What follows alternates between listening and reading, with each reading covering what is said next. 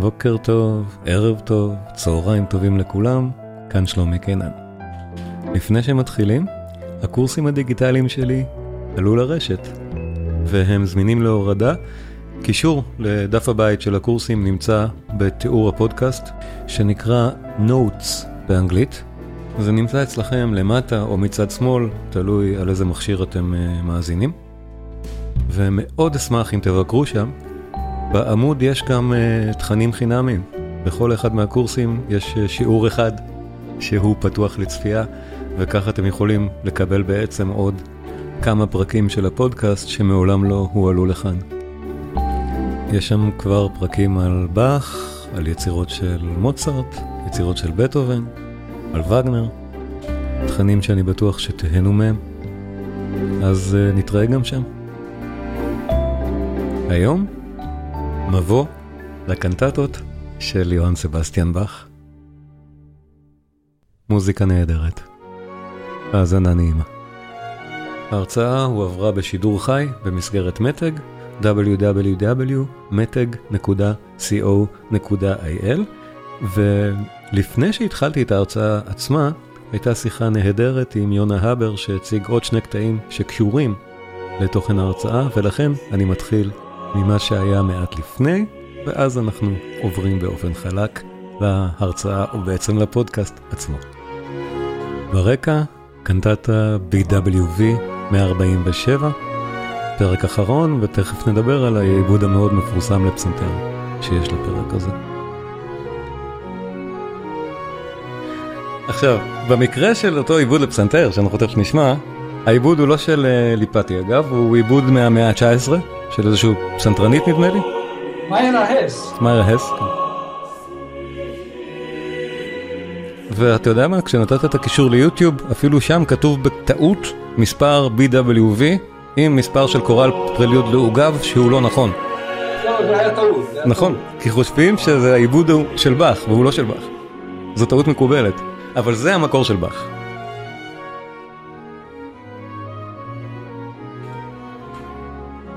עכשיו נכנסת המקהלה.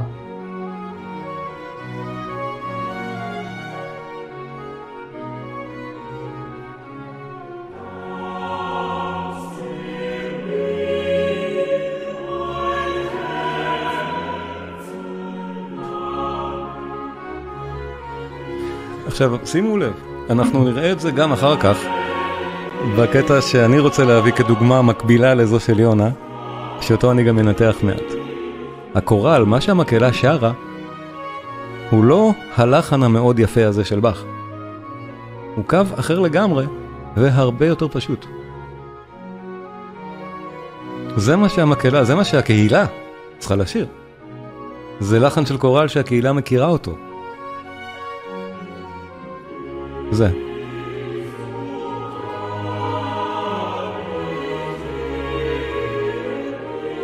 זה בעצם קו מאוד פשוט, וזה, וזה לא באך.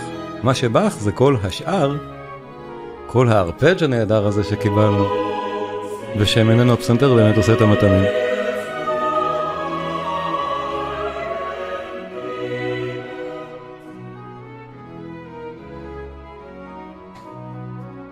התזמונת כל הזמן בשלה, היא שרה קו מלוד יכול. אז,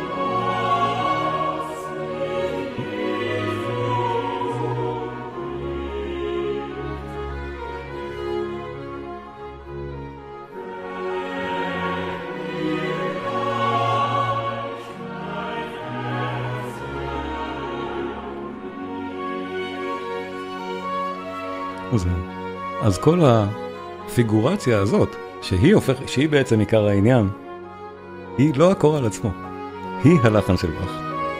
זה. וזה דבר ששימו לב, גם בלהיט השני, שתכף נשמע, זה בדיוק אותו דבר. אותו התרגיל, במרכאות.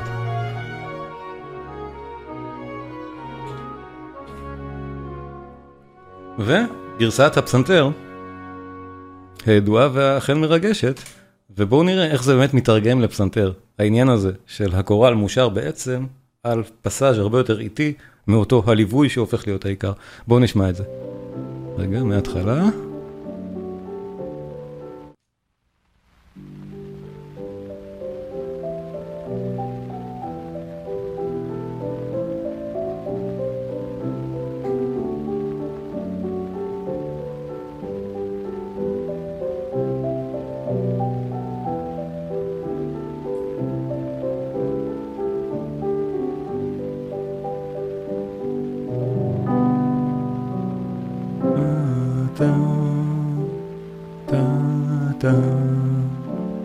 טה, טה.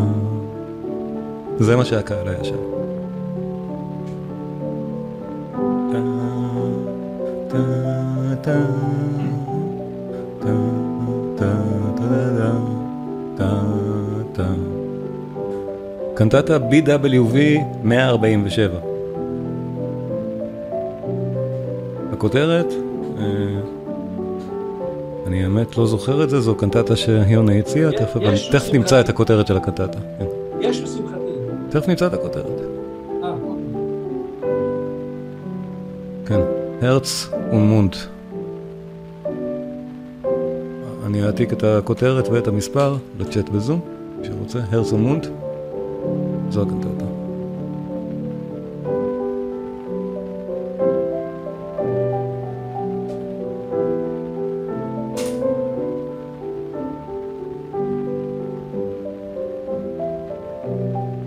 ושוב, הקטע שאנחנו שומעים עכשיו לפסנתר, זה לא של באך. אין לו מספר BWV מהסוג הזה. זו גרסת הפסנתר של הקנטטה. כמו ששמענו בפעם הקודמת, לא, לא השמעתי, אבל יש את ה...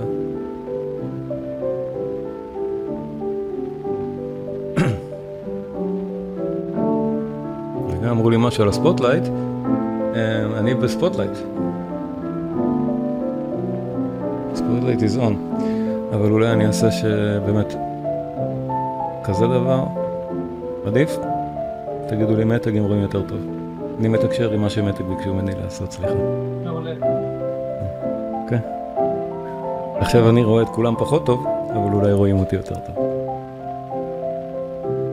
אוקיי.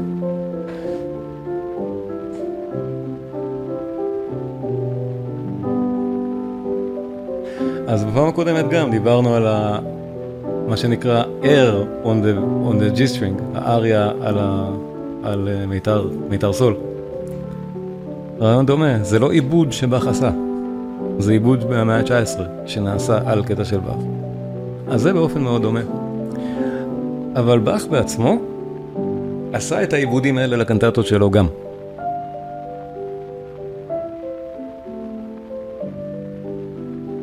רק לא ספציפית לזו.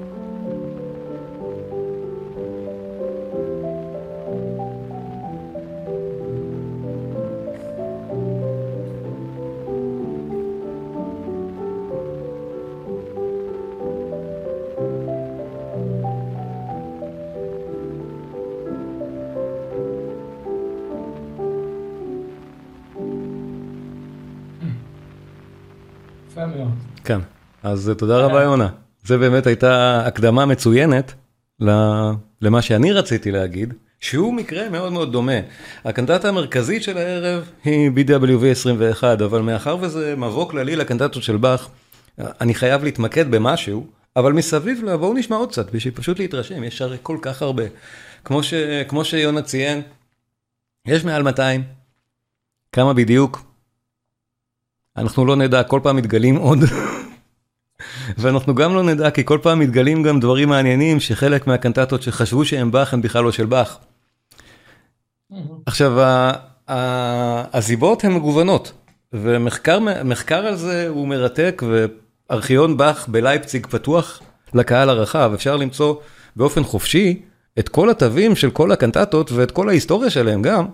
המחקרים האלה הם נהדרים, הנה יש פה איזה דוגמה אחת.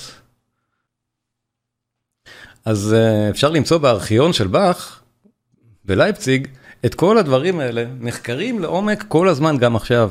מה קרה, מאיפה ומה נכתב מאיפה ומה בא מאיפה, וכתבי היד המקוריים של באך וגרסאות ההעתקה שלהם והכל. ככה נראית הקנטטה שאנחנו היום נשמע. בדיוק, 21. הדברים האלה, יש לנו אותם, כי באך אסף אותם באדיקות, ועדיין חלק מהן עבדו. אבל מחזורי הקנטטות של באך נוגנו תמיד בכנסייה בלייפציג, בשבילה הם נכתבו. כנסיית תומאס בלייפציג ושאר הכנסיות, הדברים האלה נוגנו שם. אז מחזור הקנטטות למשל, השני שלו מלי- מלייפציג, יש בזה יותר מ-40 קנטטות, יותר מ-40 יצירות. מדהימות, כל אחת. למשל, שאנחנו נשמע את האחרון מהמחזור הזה, האחרון והחגיגי, הסוגר את מחזור הקנטטות השני בלייפציג, למשל, נשמר מצוין, כי נוגן תמיד ב- בלייפציג, מאז כיצירה דתית שמנוגנת בכנסיות. אז המספר היחסי של קנטטות שעבדו הוא כנראה לא כל כך גדול. כי הכנסייתיות מלייפציג לא עבדו כל כך, נשארו שם. מצד שני, מסתבר שיש הרבה קנטטות שחשבו שהם של באך ובעצם הם לא של באך. שהם של מלחינים אחרים מתקופתו, שפשוט הוא לקח אותם בשביל הטקסים שהוא היה אחראי להם. צריך לזכור, באך הלחין הרבה מאוד מהיצירות האלה, או בעצם כל הקנטטות הדתיות שלו, עבור, עבור אירועים ספציפיים כמעט תמיד.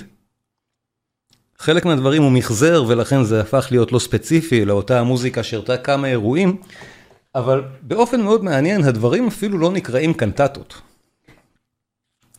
אני חושב שיונה גם אמר על זה משהו, שהמילה קנטטה מקורה באיטלקית, והדזיגנציה המקורית שלה הייתה פשוט באיטלקית להפריד את הסוגה שבה יש שירה, מהסוגה שבה יש רק מוזיקה.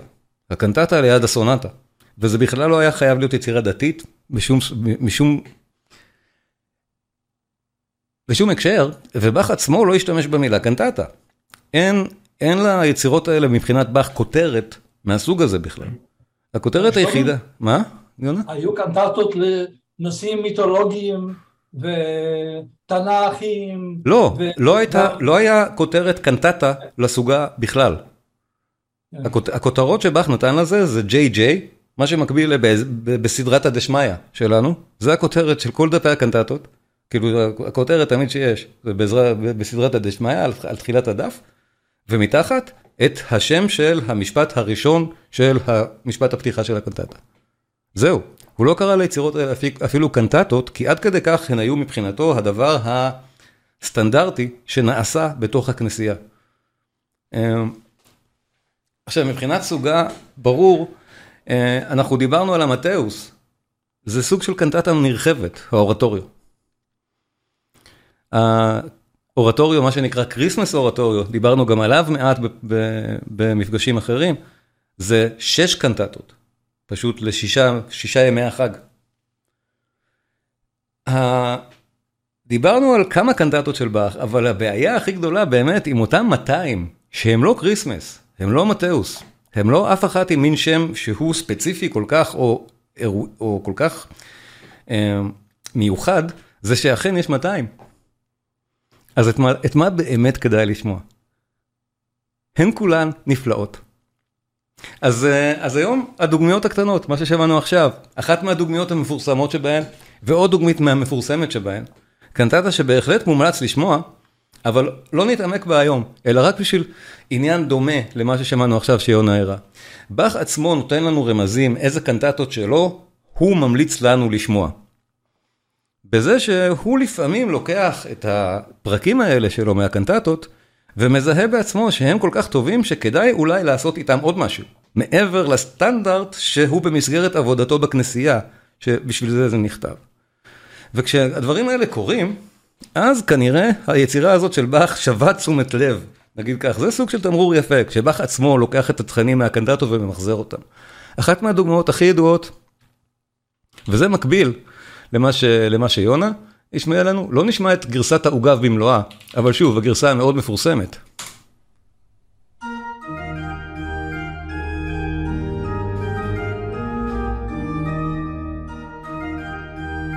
זה נקרא לפעמים קורא לנאבים צעירים אפילו בעברית.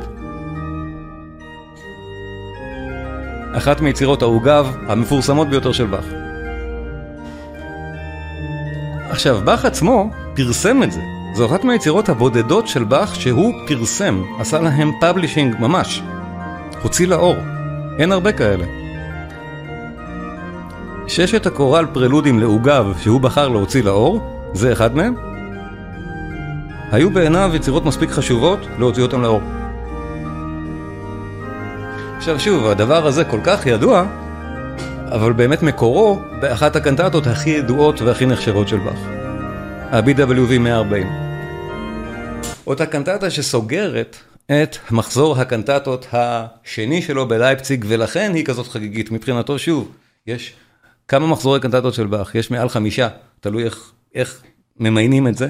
ארבעה מהם בלייפציג, אבל המחזור השני, הגדול והמרכזי, בסיומו של אותו מחזור, באך מלחין קנטטה חגיגית לרגל אותו סיום המחזור, שעניינה העושר הגדול, מבוססת בעיקרון על שיר השירים, לא, בישיר, לא ישירות על שיר השירים, על איזושהי פרשנות מימי הביניים של משורר גרמני על שיר השירים, אבל לכן קורא לנאבים צעירים זה כנראה שם שהולם לדבר הזה, אבל שוב, שימו לב, בדיוק כמו בפעם הקודמת.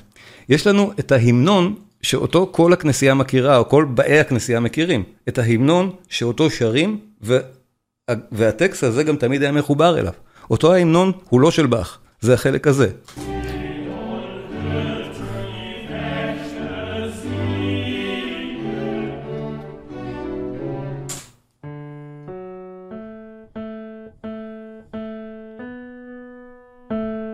נכון?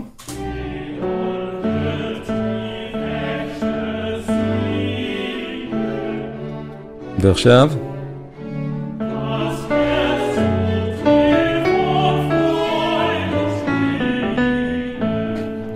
זאת אומרת, יש לנו את המנגינה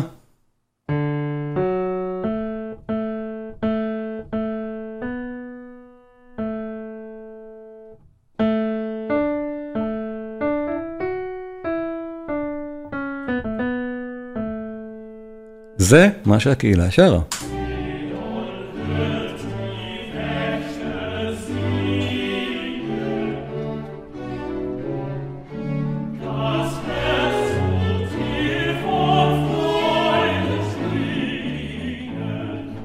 איך מתרגמים את זה לעוגב? בואו נראה, כשחלק ההמנון מתחיל בעוגב, יש לנו בהתחלה רק את אותו הליווי, שהוא הלחן של באך.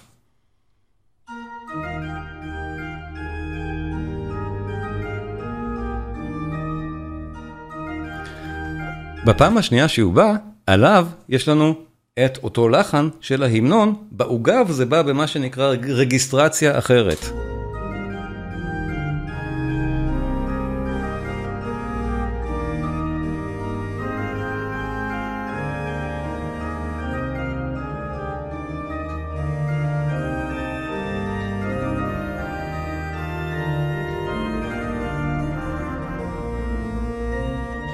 בואו נשמע את זה במסגר, במסגרתו של אותו פרק מאוד מאוד מפורסם של קנטטה BWV 140, ונראה גם את המילים במקרה הזה, כי למה לא? מילים מאוד מאוד חיוביות, כי כל הקנטטה הזאת היא יצירה משגעת וחיובית של באך. היום גם זה עדיין יצירות משגעות וחיוביות.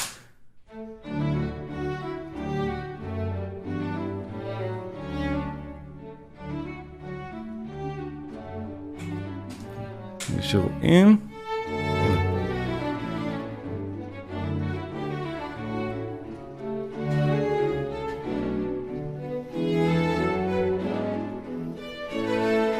וכן, גרסת הקנטטה, לדעתי, הרבה יותר יפה לטעמי מגרסת העוגב.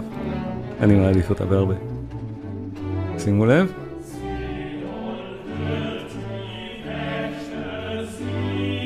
אז ברור שהשירה היא לא על הלחן המרכזי של העניין.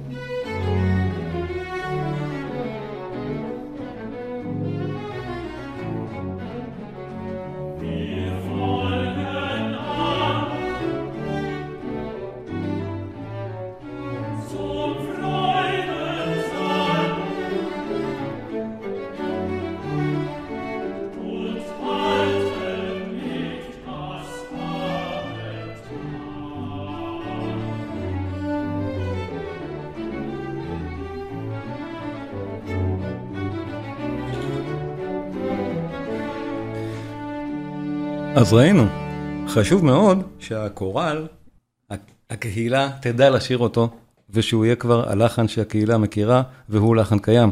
אנחנו שמענו את הדברים האלה למשל במטאוס פסיון. אני אזכיר, ועוד פעם, דוגמה מקנטטות, במטאוס פסיון, הקורל המפורסם מאוד של הפסיון, מבוסס על שיר, אה, שכל הקהילה ידעה לשיר אותו. ולכן, את אותו הלחן ניתן למחזר הרבה מאוד פעמים בהרבה מאוד הרמונים שונים, בהרבה מאוד קונסטלציות של קנטטות ושל הפסיון, שהוא סוג של קנטטה מורחבת. בפסיון באופן מפורסם, הקורל נשמע ככה.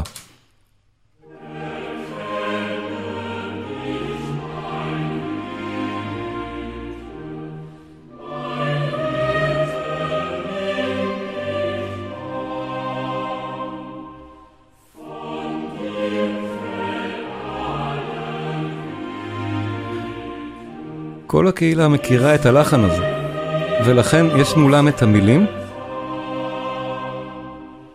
את התווים של ההרמון, כי הקהילה גם יודעת לקרוא, והם שרים את זה. זה צריך היה להיות נהדר לשמוע את זה. אבל זה מסביר גם את הפשטות של הקווים ששמענו קודם, יחסית לקווים שבאך עוטף את זה בהם. הצורה הזאת של הקורל הספציפי הזה היא מאוד ידועה, כי ה Matthäus Passion אכן יצירה שהיא מאוד מוכרת, והקורל הזה הוא אחד מהרגעים, שוב, המפורסמים במוזיקה.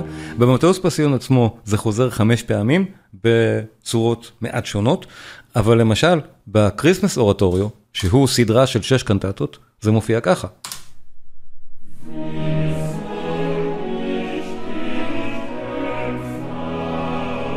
אותו הלחן.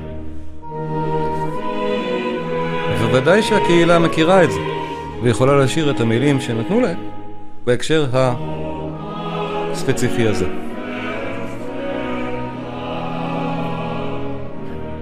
הלחן הספציפי, שוב, הזה מופיע בצורות שונות בלמעלה מ-30 קנטטות. זה רק אחד מכמה המנונים כנסייתיים מקובלים מהסוג הזה. אנחנו שמענו עכשיו עוד שניים כאלה, בלי לדעת שהם אלה. כי הם עטופים במה שבאך עושה להם. אבל כן, אלו המנוני כנסייה מקובלים, שבאך עושה מהם את המטעמים האלה. כן, מוזיקה ליטורגית, ודאי, מוזיקה דתית. כן.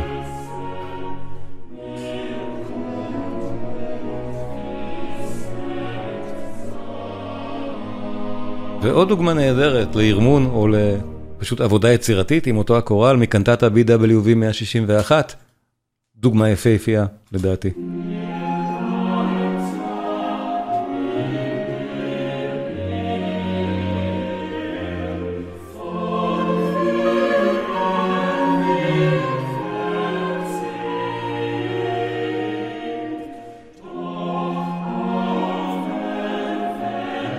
עוד קנטטה נפלאה, מומלצת מאוד להאזנה. BWV 161, זה פשוט לא נגמר.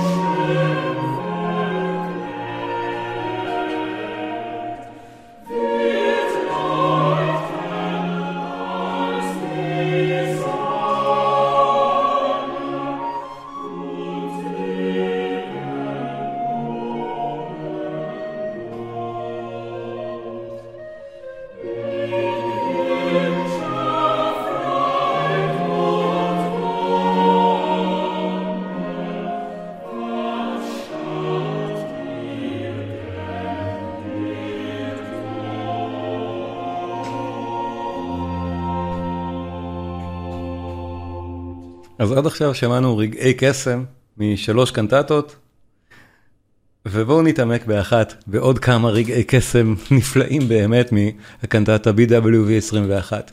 Uh, זו קנטטה באמת מוקדמת של באך, אבל uh, כמו הרבה דברים של באך, המוקדם או המאוחר לפעמים לא ברורים לנו, כי למרות שהגרסת המקור שלה היא מתקופת ויימר של באך, שזו תקופה באמת מוקדמת, אנחנו דיברנו בפעמים הקודמות על uh, תקופת קטן של באך. שבה הוא כמעט הלחין מוזיקה, שבה הוא הלחין את הברנדבורגים למשל, מוזיקה חילונית.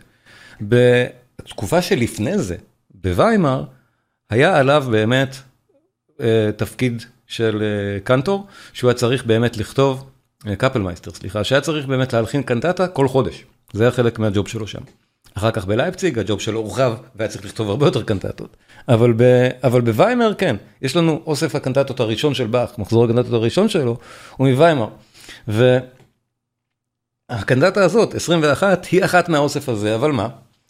באך כל כך שדרג אותה אחר כך בכמה הזדמנויות שונות, עד לייפציג, ובסופו של דבר כשהגיע לתפקידו בלייפציג, גרסתה הסופית והמאוד משודרגת ומורחבת, זו הגרסה של הקנטטה שאנחנו שומעים בדרך כלל.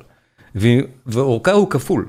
זאת אומרת שהיא הולחנה בעצם הגרסה שיש לנו היא בחלקים על אורך של, על, לאורך 15 שנה. שוב, מה שמנחה אותנו לדעת להתייחס לקנטטה הזאת, נניח בצורה שבאך עצמו כנראה התייחס אליה כמשהו מיוחד, זה עצם העובדה שהוא לקח אותה, הרחיב אותה ובנה אותה לכלל טקס. שהוא הגדיר בעצמו בכותרת שלה שמתאים להרבה מאוד, לכל אירוע ולא רק לאירוע שבשבילו היא נכתבה, יום ראשון הטוב השלישי אחרי טריניטי, משהו נוצרי כזה. אבל הוא בדזגנציה כותב, היצירה המתאימה לכל אירוע. שזה גם אומר שכנראה לדעתו של באך היא הייתה משהו מיוחד.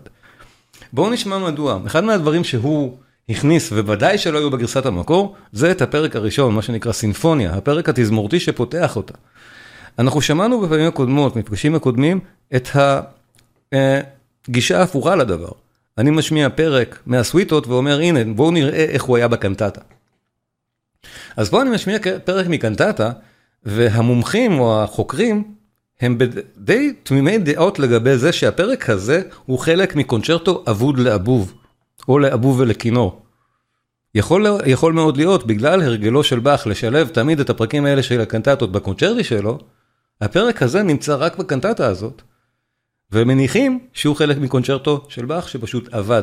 הוא כל כך יפה באמת להיות הפרק השקט של קונצ'רטו לאבוב או לאבוב ולכינור. בואו נשמע סימפוניה, קנטטה BWV 21, הקלטה של קופמן, הקלטה נהדרת, אני אראה אותה.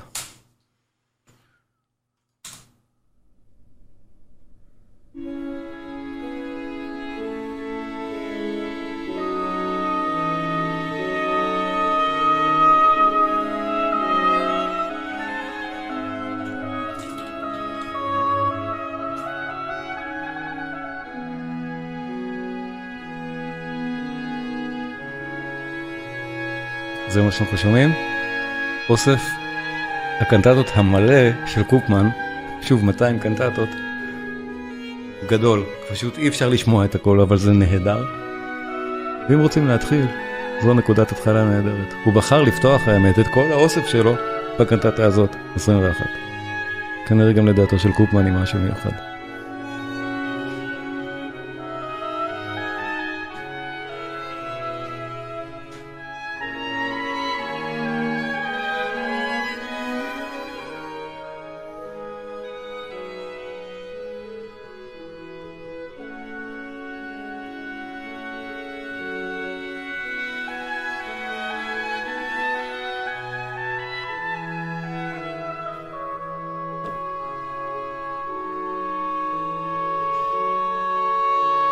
אז כן, אם היינו מוצאים את הקונצ'רטו האבוד, שזה הפרק השני שלו, איזה קונצ'רטו נהדר זה, אה?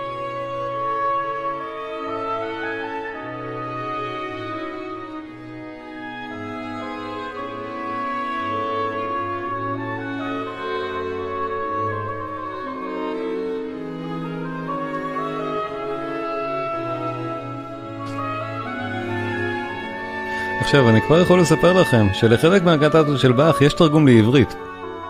זו אחת מאלה שיש לה. הבעיה היחידה עם התרגום שהוא פשוט מוצג בצורה שקשה לעקוב אחרי השירות בגרמנית, ולכן אני לא אציג אותו ככה. אבל תדעו שאם רוצים אפשר למצוא את זה בא... באינטרנט. אבל אני רוצה להציג את השורות האלה פשוט להציג את הטקסט מול מה שאנחנו שומעים, ותכף נראה למה באנגלית זה מסודר יותר, יותר נוח. קיים התרגום לעברית.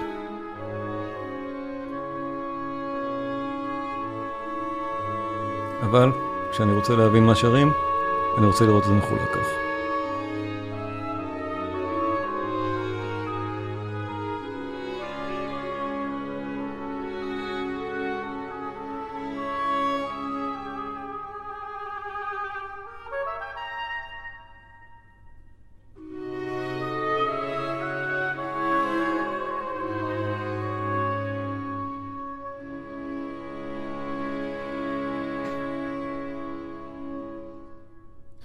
עכשיו, למה אמרתי חשוב לי להציג את הטקסט? אנחנו ממשיכים באותו הסולם, הקטעים מחוברים. אבל לפני שאני ממשיך, אני רק רוצה להסביר רגע, שהנקודה המאוד מעניינת לקרוא טקסטים כאלה, יש לנו פה שתי שורות, אבל הרוב המכריע של הפרק שנשמע עכשיו הוא הפוגה, שעליה מושרת רק השורה הראשונה. בעברית, היא אמרה, השורה הראשונה, היה לי צער רב, זה התרגום הרשמי לעברית של הסורה הזאת. I had much affliction in my heart. זה כל החלק הארוך מאוד של הפרק, אבל רק בסוף שלו, באך מלחין פעמיים, But your consolations restore my soul. יש התייחסות ברורה מאוד בין הלחן לבין הטקסט. שימו לב, החלק הראשון, אנחנו, יש לנו פתיחה.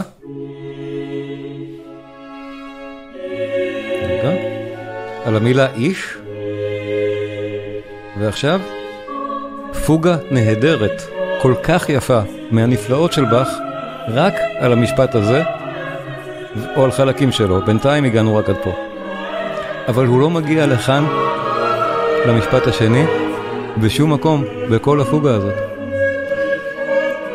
הוא יגיע אליו רק איפה שאתם רואים אצלי במסך, את B.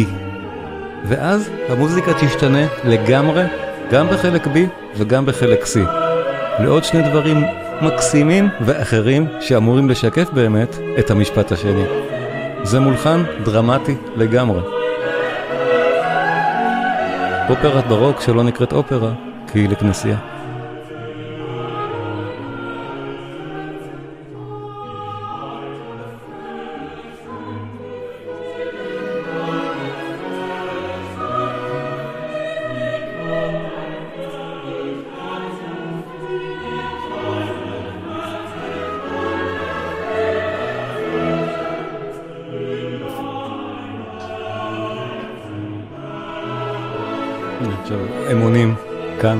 חזרו להתחלה, אבל אנחנו רק כאן.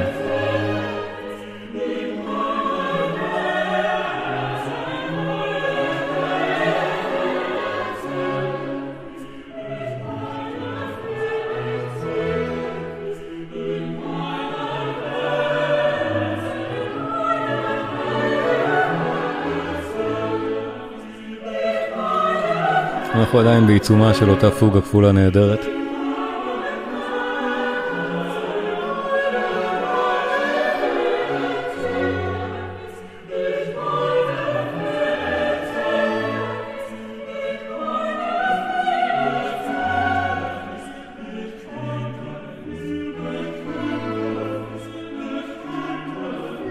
ושימו לב, אנחנו מתקרבים לחלק שאצלי כתוב B, ואז אנחנו נשמע עצירה מוחלטת,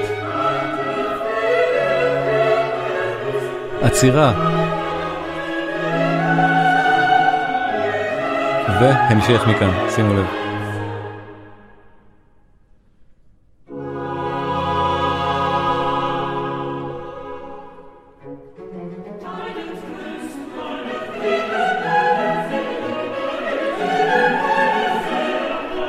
עכשיו שרים רק את זה. אבר היה קודם. כי ה-consolations restore my soul. והמוזיקה משקפת את זה. נהדר.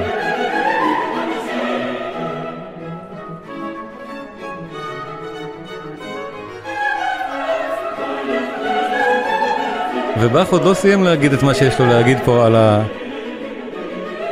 מצב הרוח המשופר, כי החלק C סוגר את זה עוד יותר יפה על אותם המילים.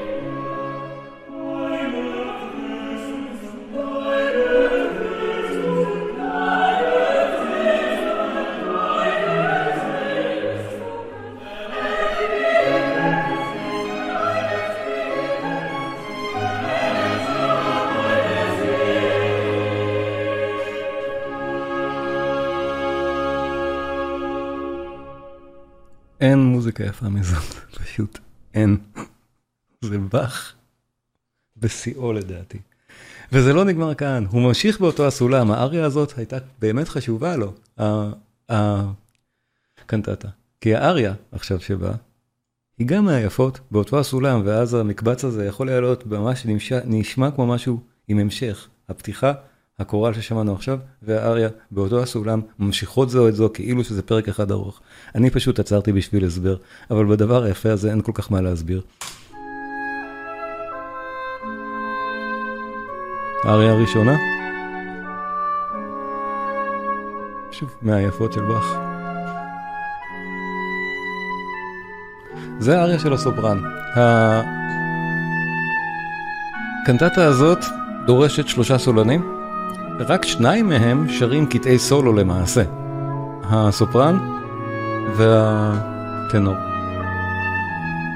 האלטית שרה רק בקטעי טריו. מאוד מעניין, כנראה ככה זה הולחן בהתחלה בשביל לקוחות שהיו לרשותו של באך. המקהלה, ברור, זה מקהלה לארבעה קולות, אבל יש רק שלושה סולנים.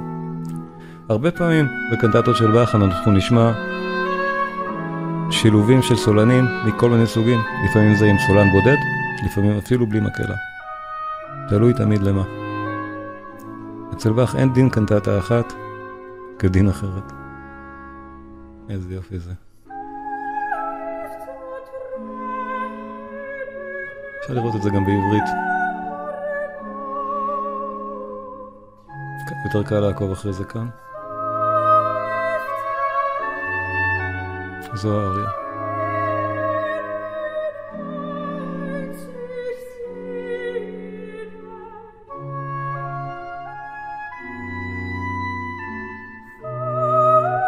מוטקה כתב, כנגן אבוב בדימוס, ממש נהנה מנוכחותו של האבוב כאן. כן, אני, אני מסכים איתך, ואני אמרתי, יש רגליים לסברה שזה היה סוג של קונצ'רטו לאבוב חלק מהקטעים פה. באמת, אה, זה נשמע די נכון, גם האובליגטו פה.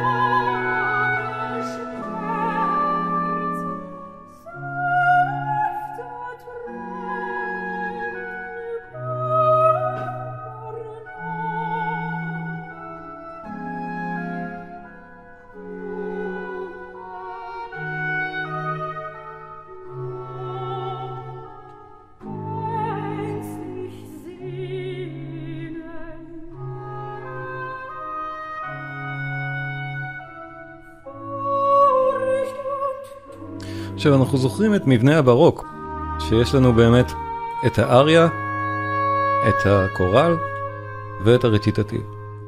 ואמרנו, יש לנו קורל משני סוגים, אחד זה הקורל הקטן, שמבוסס באמת על מה שכל הקהילה מכירה, השני זה הקורל הגדול והמורחב, שמבוסס על לחנים של באך עצמו, שמיועד למקהלה שלה הוא כותב את זה.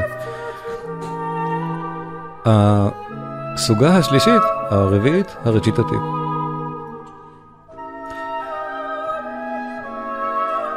לרובנו כקהל מודרני יש בעיה עם רציטטיבים של באך. אני גם היום די אדלג על הרציטטיבים ב, ביצירה, גם מקוצר זמן.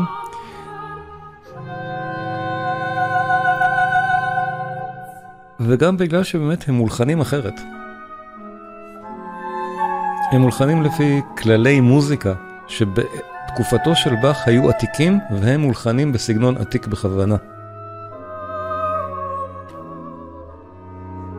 זאת אומרת, זה נשמע לנו כל כך זר ומוזר, אותם רציטטיביים, המהלכים המלודיים וההרמוניים שלהם, בגלל שהם באמת מוזיקה עתיקה גם מבחינת באך. הוא מבסס את זה על מוזיקת ימי הביניים, שהוא הכיר. אז האריות והקוראלים הם מוזיקה שהיא קלה מאוד לאוזנינו, הרציטטיביים, הרבה הרבה פחות. והנה חלק האבוב הנהדר הזה.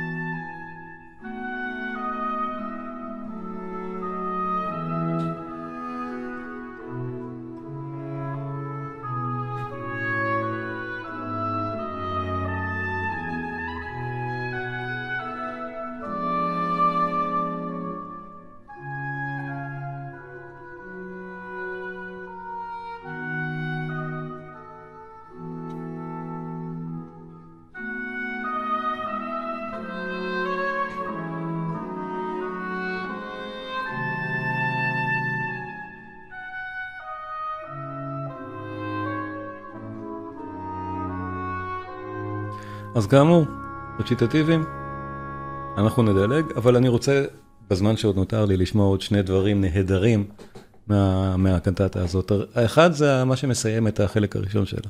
הקנטטה, כאמור, בה חילק אותה בסופו של דבר לשניים, אחרי שהעריך אותה מאוד. חצי ראשון מנוגן לפני הטקס, לפני הפולחן, חצי שני אחריו.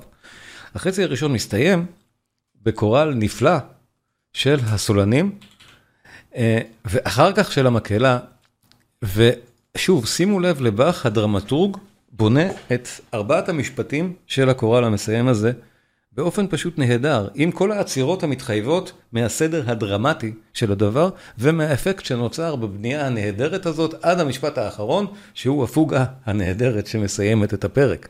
הקורל שוב שסיים את חציו הראשון של הטקס, בגרסה הסופית של, ה... בגרסה הסופית של, ה... של הקנטטה, בגרסת לייפציג. אז אה, שוב, אני חוזר לטקסט בגרסתו האנגלית, פשוט אה, שנוכל לראות את המשפטים. אה, מסודרים יפה. כי יש לנו ארבעה משפטים באמת, ופשוט כל אחד מהמשפטים האלה הוא על, על סידור מוזיקלי אחר בתוך הקורל. בואו בוא נשמע, בהתחלה, המשפט הראשון מושר בהתחלה על ידי שלושת הסולנים, ורק אחר כך על ידי כל המקהלה, והתרגיל הזה של משחק בין הסולנים לבין המקהלה קורה כמה פעמים גם במהלך, במהלך אותו הקורל. הדבר הזה הוא באמת בנוי באופן מאוד מיוחד. הסולנים. שרים את זה. המוזיקה מתאימה. Why are you distressed, my soul? המוזיקה פשוט מתארת את מה ששרים.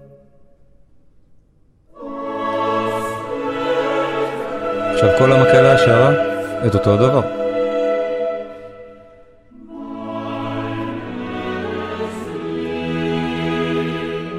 המשפט הראשון הזה ימשיך להיות מושר עד כאן. מכאן יהיה חתיכת המשפט השני. שימו לב. אבל אנחנו כל כך and are so restless, חסרי מנוחה, אז המוזיקה חסרת מנוחה.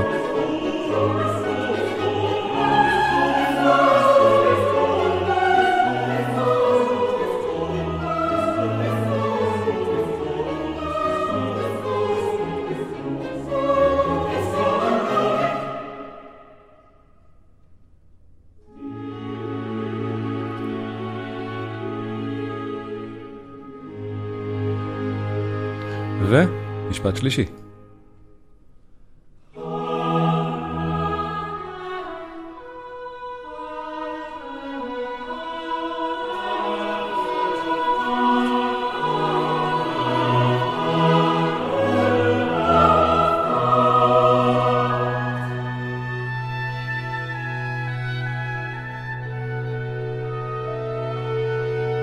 מוזיקה מאוד תיאורית.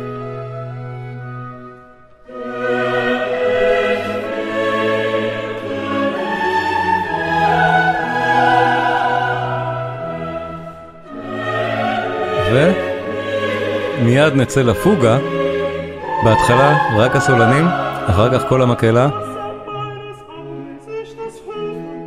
That I shall see him as my help and my God. עכשיו הגענו לחלקו הרביעי והאחרון של הקורל. הפוגה הנהדרת על המשפט האחרון. בנוי כל כך יפה.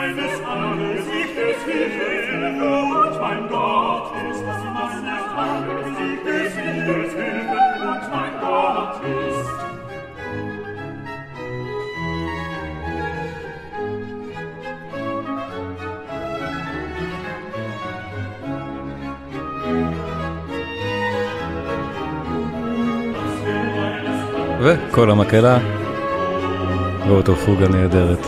אחת מהנהדרות של באך, אבל טוב, יש כל כך הרבה טוב נהדרות של באך.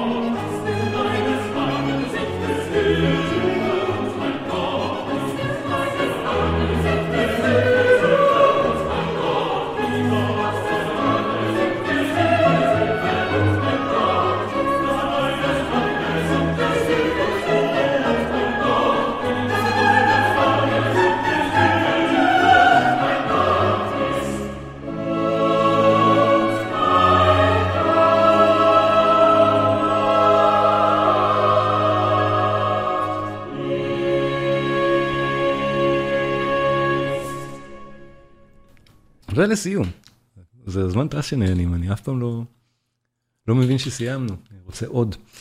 אני, אני בטוח שגם אתם, כי הקנטטה הזאת באמת נפלאה ואני ממליץ להקשיב לכולה, אנחנו שומעים היום בערך חצי. והחלק האחרון זה גם חלק שסיים אותה במקור, בגרסת המקור של הקנטטה עוד מתקופת ויימאר, זה החלק שסיים אותה. והקורל הזה גם הוא מיוחד. מה שבאך עושה כאן זה משהו מאוד מאוד מיוחד, שוב, בפרמטרים המקובלים של התקופה, של איך הדברים אמורים להיות מושרים. באך מבסס את הטקסט הזה, מה שמודגש פה בסגול, זה הטקסט של ההמנון והלחן של ההמנון שהקהילה יודעת לשיר. שמענו כבר כמה דוגמאות כאלה, של מה הקהילה יודעת לשיר. אז זה, מה שמודגש פה בש... ב... בסגול במקרה הזה, זה מה שהטנורים שרים במקהלה, זה מה שהסופרנים שרים במקהלה, אבל הם שרים את זה באותו הזמן, והלחן שהם שרים זה הלחן שהקהילה מכירה. אבל בו בזמן יש לנו את שני המשפטים האלה, את ה... או סליחה, את המשפט הזה, שמחולק לשתיים, שמושר, שזה מתחיל את הפרק. זו בעצם המלודיה שבה חלחין, כמו מלודיית העוגב ששמענו קודם. המלודיה הגדולה והמעניינת היא זו שנמצאת על הקורל שאותו המקהלה והקהילה שרה. האפקט שנוצר הוא מאוד מעניין, וקשה מאוד לעקוב על הטקסט כשהוא מוגש ככה. אנחנו ננסה לשמוע ולראות את זה. מה שקל יהיה לעקוב זה אחרי המשפט הזה, שהוא מהווה בעצם את אותו הנושא הראשי ששמענו קודם בעוגה ובפסנתר. לא הנושא שהקהילה שרה, לא הנושא של הקורל המפורסם, אלא הנושא שבה חלחין. האפקט הוא מדהים, בואו נשמע את הקורל שסיים במקור את הקנטטה.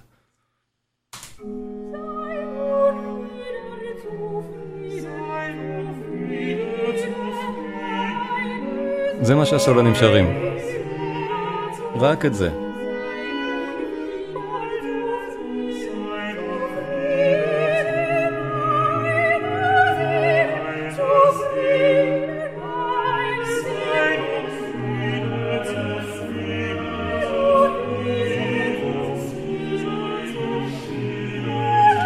ואנחנו שומעים כבר את המקהלה שר את הדברים האלה. מאחורה. פשוט מאוד קשה לעקוב אחרי זה.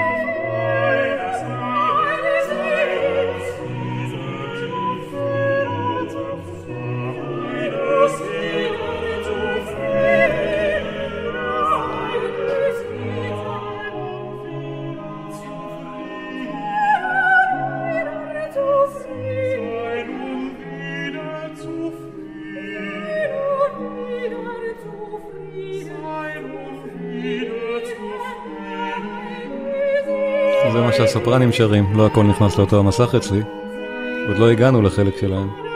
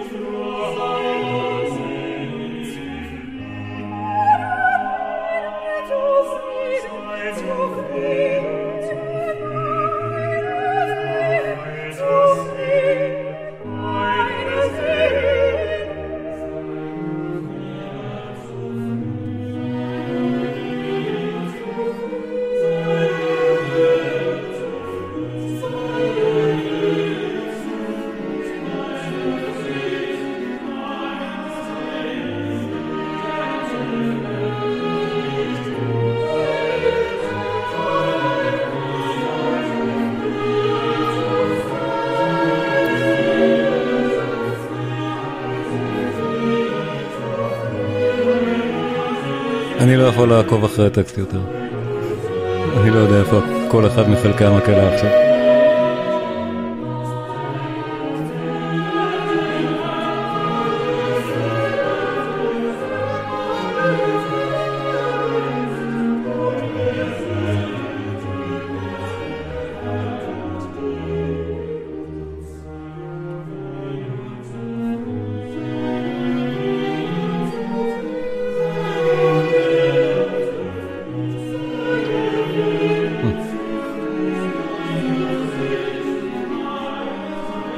מרים כתבה סאונד האח, יש בעיה עם הסאונד? תכתבו לי. יכול להיות שבגלל שחלקתי מסך.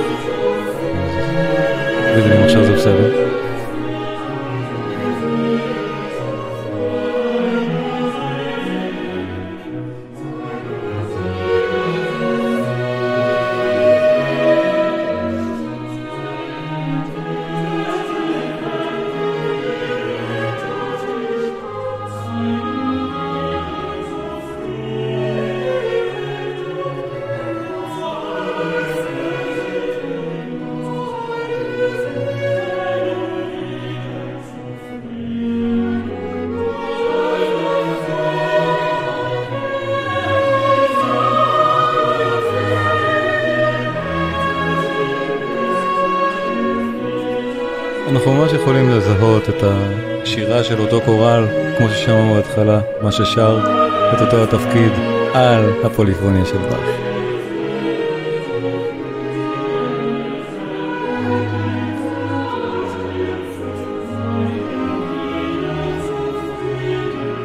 BWV 21 אחת מהיפות, ואם אהבתם, אז באמת תכתבו, תגידו לי, אפשר אולי לעשות עוד כמה ערבים על עוד כמה קנטטות נהדרות של באך. אחרי הכל יש 200. מה רע? אז, אז תודה רבה לכולם, תודה ליונה.